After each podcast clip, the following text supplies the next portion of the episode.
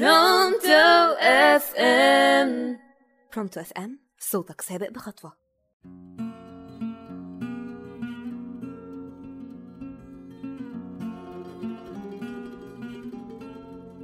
يا مساء الفل على كل مستمعينا مستمعي راديو برونتو أف إم ومعاكم دينا محمود برنامج من أول السطر هبقى معاكم مرة كل أسبوع.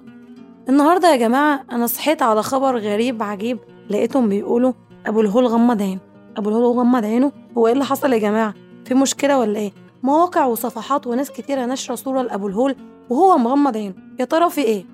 قعدت أدور وأبحث ألاقي اللي يقول لك ده فوتوشوب دي صورة من اتجاه غلط متصورة ده يا جماعة القيامة خلاص هتقوم وفي بردية تحت أبو الهول بتقول كده إنه لو غمض عينه يبقى إحنا داخلين على كارثة. لكن طبعا أنا ما سكتش رحت للمصادر والكلام العلمي بقى علشان نحسم الكلام والجدل اللي داير في الموضوع ده.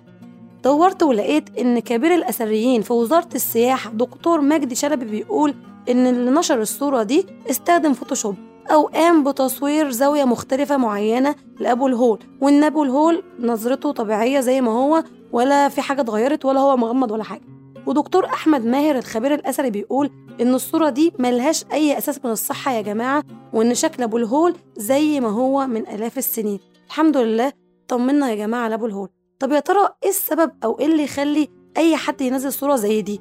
طبعا ممكن نقول إن ده نوع من أنواع التنشيط للسياحة. ممكن بعض شركات السياحة عايزة تنشط السياحة شوية فقالت إيه؟ إحنا ننزل الصورة دي والناس هتنزل وتشوف. وفعلا يا جماعة في خلال 24 ساعة بعد الموضوع ده شركات السياحة مش عارفة إزاي تنظم الأفواج اللي بدأت تيجي من بره. الغرب يا جماعة مهتمين بالموضوع ده جدا مش زينا. مش زي ما إحنا قعدنا نضحك ونقول أبو الهول كان نفع نفسه كان رمم حتى أنفه يعني اللي اتكسرت دي ولا كان عمل لنفسه حاجة ولا اتحرك من مكانه. لا الأجانب بدأوا يجوا ويزوروا وفعلا منطقة الأهرامات وابو الهول بقت مليانة دلوقتي بالسياح.